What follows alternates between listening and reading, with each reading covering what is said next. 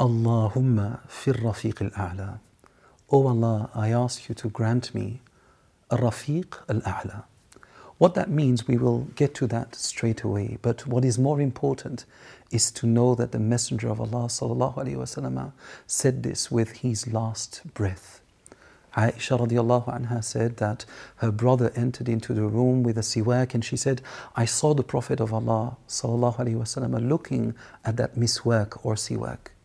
So I took it from my brother and then I, I gave it to the Messenger of Allah وسلم, and then he used the siwak and then he pointed with his finger to the sky. And he said, Allahumma fir rafiq al-a'la. Oh Allah, I ask you for the rafiq al-a'la. And then he died in my arms. One would expect a prophet to die on a battlefield.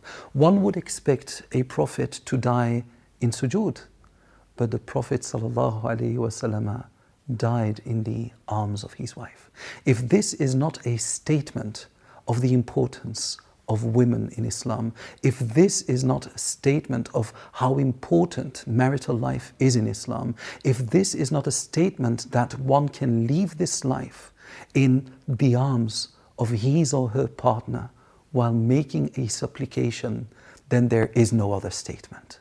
The Messenger وسلم, taught us that no matter how spiritual you are, no matter how close you are to death, Nothing is better than being good to your wife, and nothing is better than being good to your husband. And this is why Aisha radiallahu anha used to boast and say, The Messenger of God died in my arms.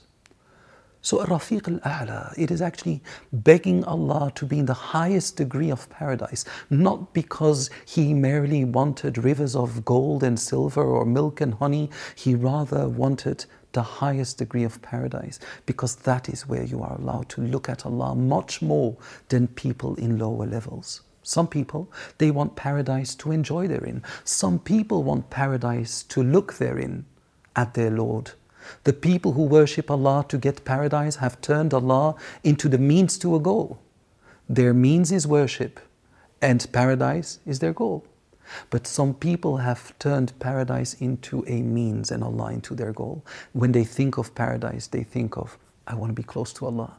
I want to look at Allah. So now, knowing this, remember when you are on your deathbed, my friend, that there is a thing you can say and a thing you can do. Hold on tight to your wife or your husband, knowing that you will not see them again until the day of judgment. But at the same time, don't forget to beg, to ask from Allah the most beautiful thing He can grant you, which is being close to Him in paradise. And this is where we once again say, Allahumma fi rafiq al-a'la. Oh Allah, I ask you for the rafiq al-a'la.